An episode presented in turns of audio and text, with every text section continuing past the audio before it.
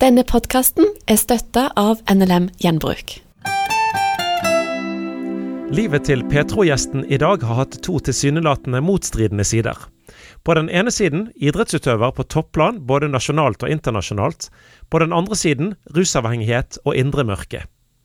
Trening er essensielt for å nå langt i fullkontakt kickboksing, der Dennis Boyster i 2008 oppnådde fjerdeplass i worldcupen. Men i kampen mot rusen virket det ikke å ta seg sammen og jobbe hardere, forteller han til reporter Sissel Haugland. Min oppvekst har vært preget av eh, alkoholisme, mm, vold og kriminalitet. Eh, eh, mange vonde ting i oppveksten. Eh, men eh, mor hun prøvde å gjøre så godt som hun kunne med, med Eh, med de midlene hun hadde, og med, med, hennes væremåte. Hun hadde veldig mange utfordringer selv. Eh, eh, sånn at hun gjorde så godt hun kunne. men OK. Sannheten var at det, det var kanskje ikke det beste. Mm. Så etter mange år så fikk jeg endelig flytte på ungdomshjem. Da var jeg 14 år. Mm. Ja. Du sa et sted at det begynte med det første glass øl, og så var det gjort? Ja, eh, for meg så var det sånn at første gangen jeg drakk, så kjente det at jeg fikk tenning på rusmidler.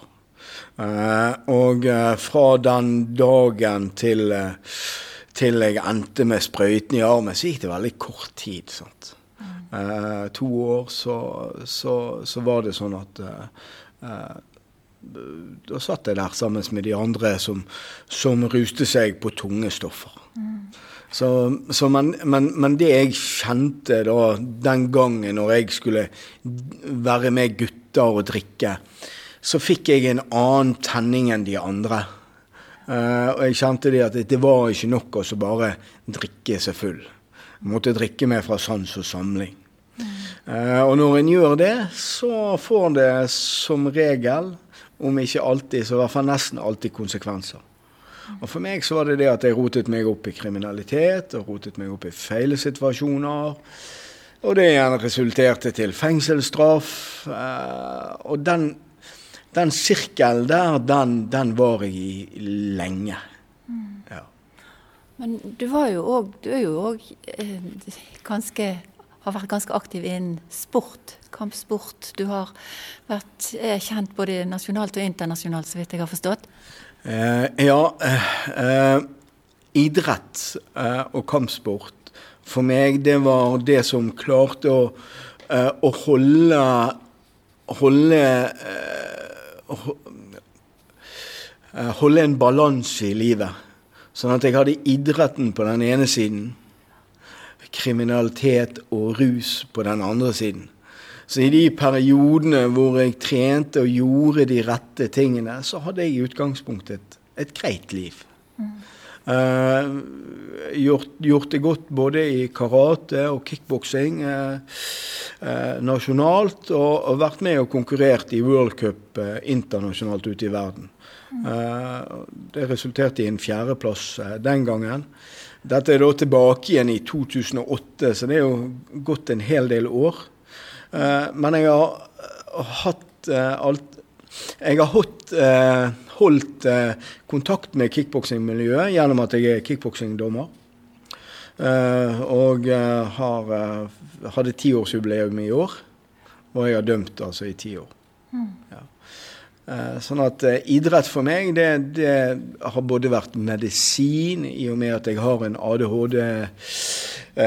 Eh, sant? Og, og, og, det har vært gjort det at når jeg har drevet med idrett, så, så har det fungert. Du ble jo kristen for ca. ti år siden. Hvorfor det?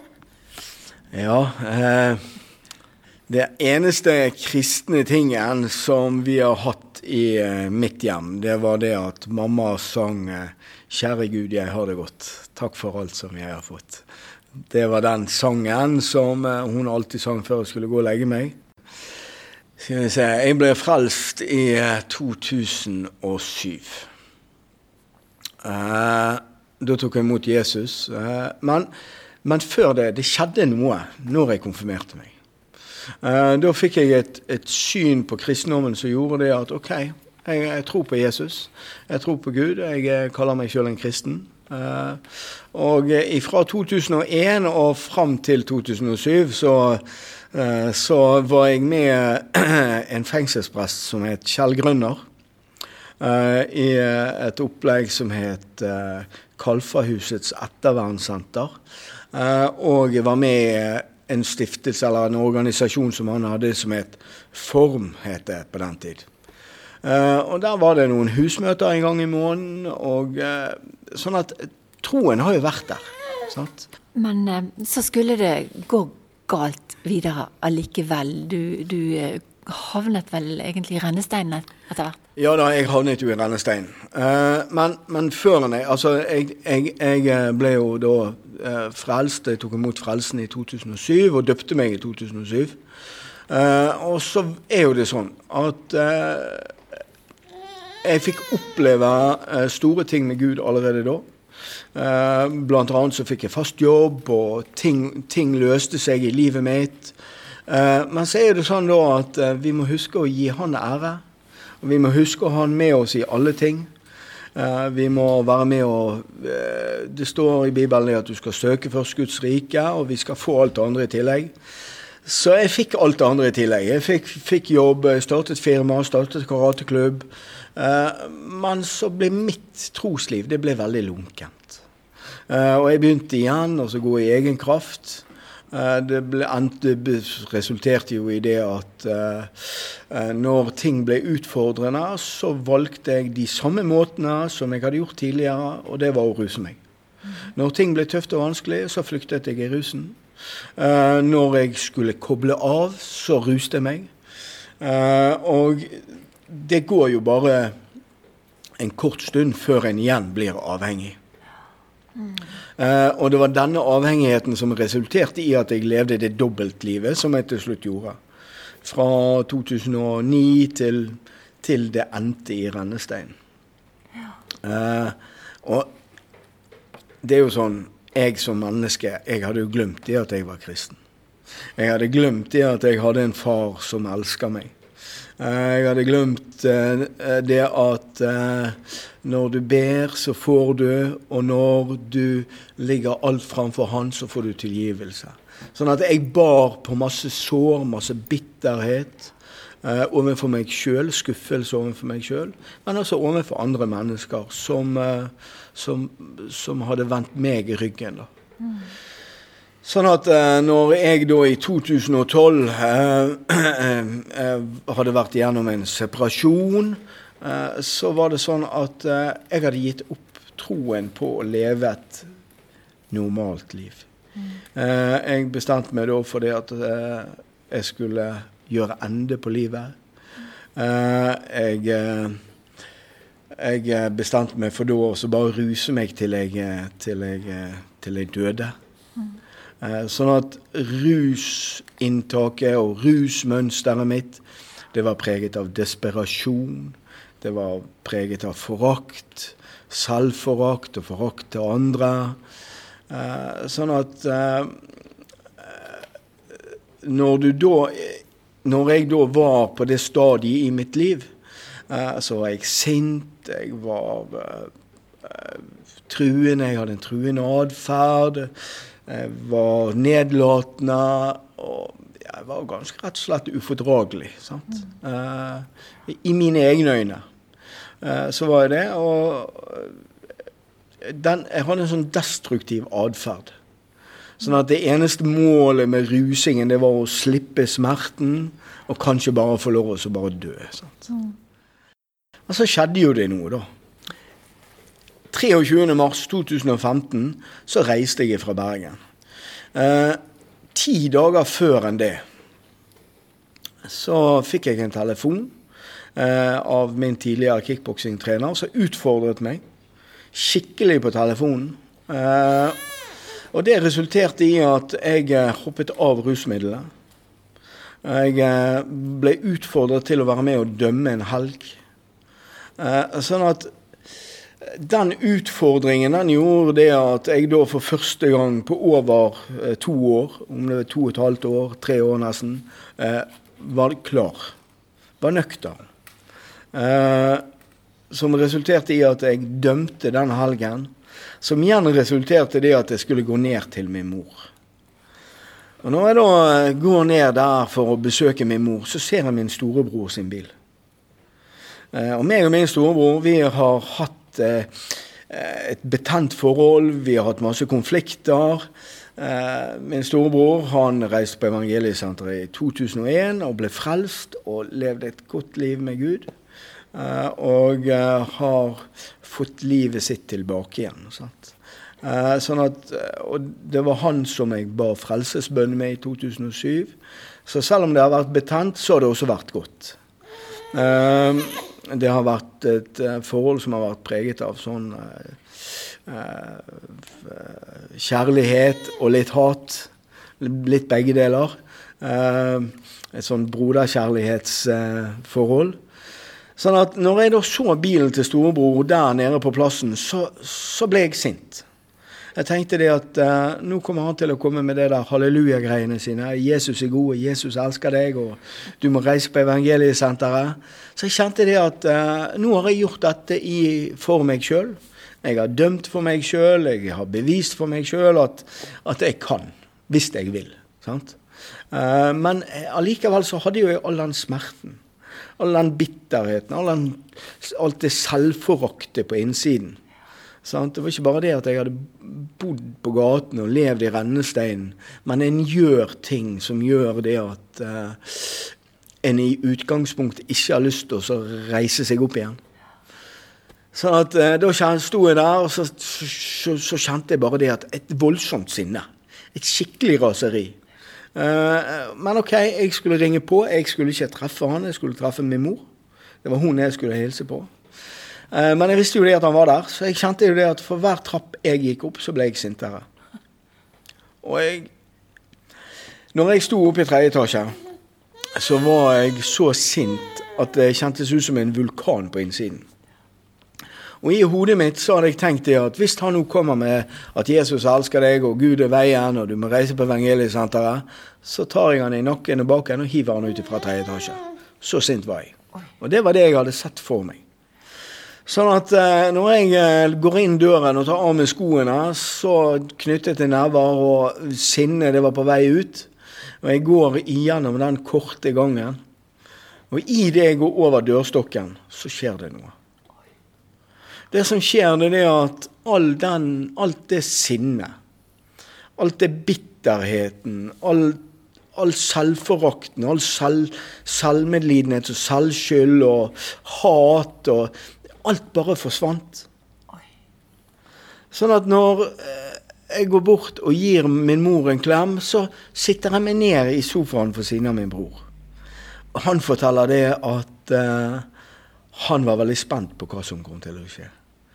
Så han sitter og stirrer ut i rommet, og jeg på min side jeg ser bort på Raymond og sier du Raymond, hvordan er det med evangeliesenteret? Er det vanskelig å få plass der?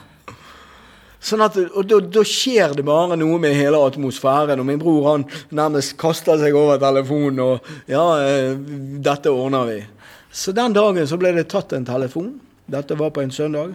Det ble tatt en telefon. Det ble gjort i stand et rom til meg på Evangeliesenteret. Uh, og jeg får da muligheten til å reise på Evangeliesenteret den 23. mars. Uken etter denne søndagen. Jeg kunne ha reist allerede på mandagen, men det var eh, mange praktiske ting som måtte ordnes for, for, at jeg i det hele tatt skulle eh, Sånn at jeg hadde orden på de tingene som måtte være i orden. Og for Dennis ble oppholdene på flere evangeliesentre totalt livsforvandlende og livreddende. Så fikk jeg lov å være med på ES-team, fikk lov å reise rundt og fikk lov å vitne, fikk lov å fortelle historien min. Og det var det sånn, for hver gang jeg fortalte den historien min, så skjedde det noe. Og det står i Bibelen det at det som blir bundet på jorden, det, kan, det må bli løst i himmelriket. ikke sant? Eh, noe, noe i, i, den forstand. Sånn at all min bitterhet og alt, alt, eh, alt det som er gjort, det gjorde det at jeg ble nedbrutt. Det ble løst. Sånn at jeg tror jo det at uh, det skjedde, skjedde uh, skjedde ting for hver gang jeg ville dele og være åpen.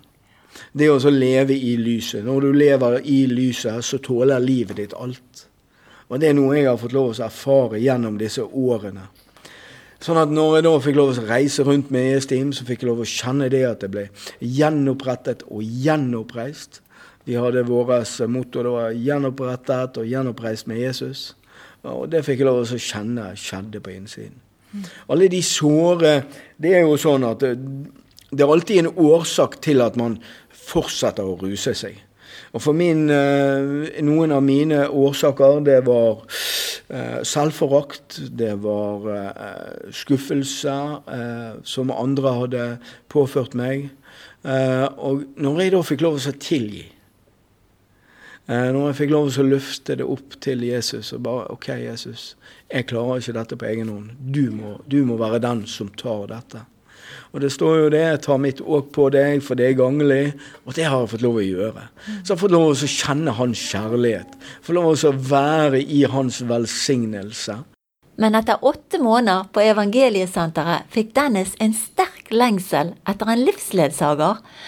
Og på et av møtene begynte de å be om en kone til Dennis, og bønnesvaret kom samme dag det var en sterk atmosfære der. Altså. Det var liksom, det var når vi ba, så bare kjente vi det at eh, vi, ble, eh, det en, vi ble omgitt av en helt spesiell atmosfære.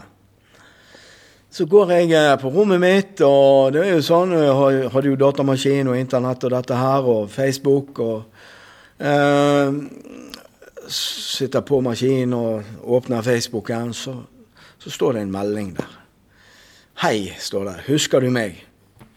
Eh, var det deg jeg overnattet hos på sofaen eh, for eh, 20 år siden? Så bare hm. Så fikk jeg litt sånn klump i magen, så det der må jeg, må jeg vente litt med å svare. Og så begynte, begynte OK, begynte kvernen å gå, eh, og jeg begynte å tenke på, på helt normal, sånn, eh, sånn menneskelig måte. sant? Uh, og så uh, åpnet nå jeg denne her eh, linken, og det var Jannicke, som nå faktisk er min kone, og mor til mitt barn. Så var jo det sånn at vi begynte å snakke sammen, og så kom jeg på hva var det du nettopp hadde bedt over? Hva var det du hadde bedt om? Hva er dette for noe? Så resulterte jo denne eh, snakkingen på både telefon og på internett til at vi møttes. Og da, da var det liksom eh, eh, Akkurat som, eh, som svaret allerede var der før vi hadde eh, holdt hverandre i hånden. Eh, sånn at eh, en stund senere så giftet vi oss, og eh, vi har jo da stiftet familie. Så vi ba sammen, og så kom vi frem, eh, fikk vi et bønnesvar, og det var det at eh, vi skulle starte noe. Så vi lekte vi med mange forskjellige ideer, men til slutt så ble det trappen motivering øyene. Et ettervern og motiveringstiltak som holder til i Øygarden. Eh, vi har eh, eh, Per i dag så har vi fire aktive elever. Vi har plass til ti aktive elever. Vi driver med fysisk trening. Vi driver med matutlevering. Vi har samtaler på kontoret. Vi har oppfølging i forhold til Nav og Nav-system, eller det offentlige. Vi har fått lov gjennom dette dette tiltaket og eh, hjelpe fire personer inn i behandling. Så det er jo helt fantastisk. Så Gud reiste deg opp, Dennis, fra både rus, fra rennestein ja. ja. og eh, det å bli gjenopprettet. Sant? Eh, når en ruser seg og er i en avhengighet, eh, så mister en mer og mer deler av seg, av seg, av seg selv. Og det resulterer jo i det at en en søker enda lenger inn i rusen og ruser seg mer og mer destruktivt. Sånn at når Jesus fikk lov å slippe til For, for det er noe jeg har opplevd, det å så uh, en kaller seg gjerne en kristen, men en lever ikke med Jesus. Og det å få lov å slippe Jesus til helt inn i det innerste Ja, eh, mitt hus har eh, mange rom, sant? Og det å så bare OK, eh, det er greit. Skal, her har du nøklene. Du skal få lov å overta hele huset. Du flytter inn, eh, og så bor jeg hos deg. For, for det var jo sånn, sant, når eh, når jeg levde dette dobbeltlivet, så prøvde jeg offentlig behandling, og var i behandling tre eller fire ganger. og Jeg satt inne og var med på rusmestringsprogrammer og det ene og det andre programmet. Og disse tingene de fungerte lite grann en liten stund. Men så var jo de tilbake igjen til rusen. Sant? Og så var det det å ta seg i sammen og skjerpe seg og jobbe hardere, være bedre. Eh, og det holdt en liten stund, og så var det tilbake igjen. Men nå er det altså Det er gått eh, over fire og et halvt år nå. Eh, og så har jeg bare fått lov å kjenne det at jeg trenger ikke å skjerpe meg. Jeg trenger ikke å ta meg i sammen. for jeg har fått en visshet i hjertet om at jeg er god nok sånn som jeg er. Jeg er høyt elsket, og jeg er verdifull. Uh, og det å slippe Jesus til i dybden på det, så blir min målestokk ikke i meg sjøl, men i Han. Og da også tro på det, altså, bare ikke bare tro på det, men gjøre det til sannheten om ditt liv. Og det er det jeg måtte gjøre. Jeg måtte gjøre det til sannheten om mitt liv, om at jeg var elsket. Har du lyst til å ta del i et sosialt og meningsfylt arbeid? I NLM Gjenbruk kan du bli en del av et godt fellesskap med mange andre frivillige. I alle våre butikker finnes det en kaffekrok, hvor man kan sette seg ned for en prat, vafler og kaffe, også sammen med kunder. Har du lyst til å bli en av våre nye frivillige? Da kan du ta kontakt med din nærmeste gjenbruksbutikk, eller komme innom for en prat. Her er det mange ulike og varierte oppgaver du kan engasjere deg i. Finn din nærmeste butikk på nlmgjenbruk.no nrk.no. Velkommen til oss. Du har hørt en podkast fra Petro. Du finner masse mer i vårt podkastarkiv på petro.no.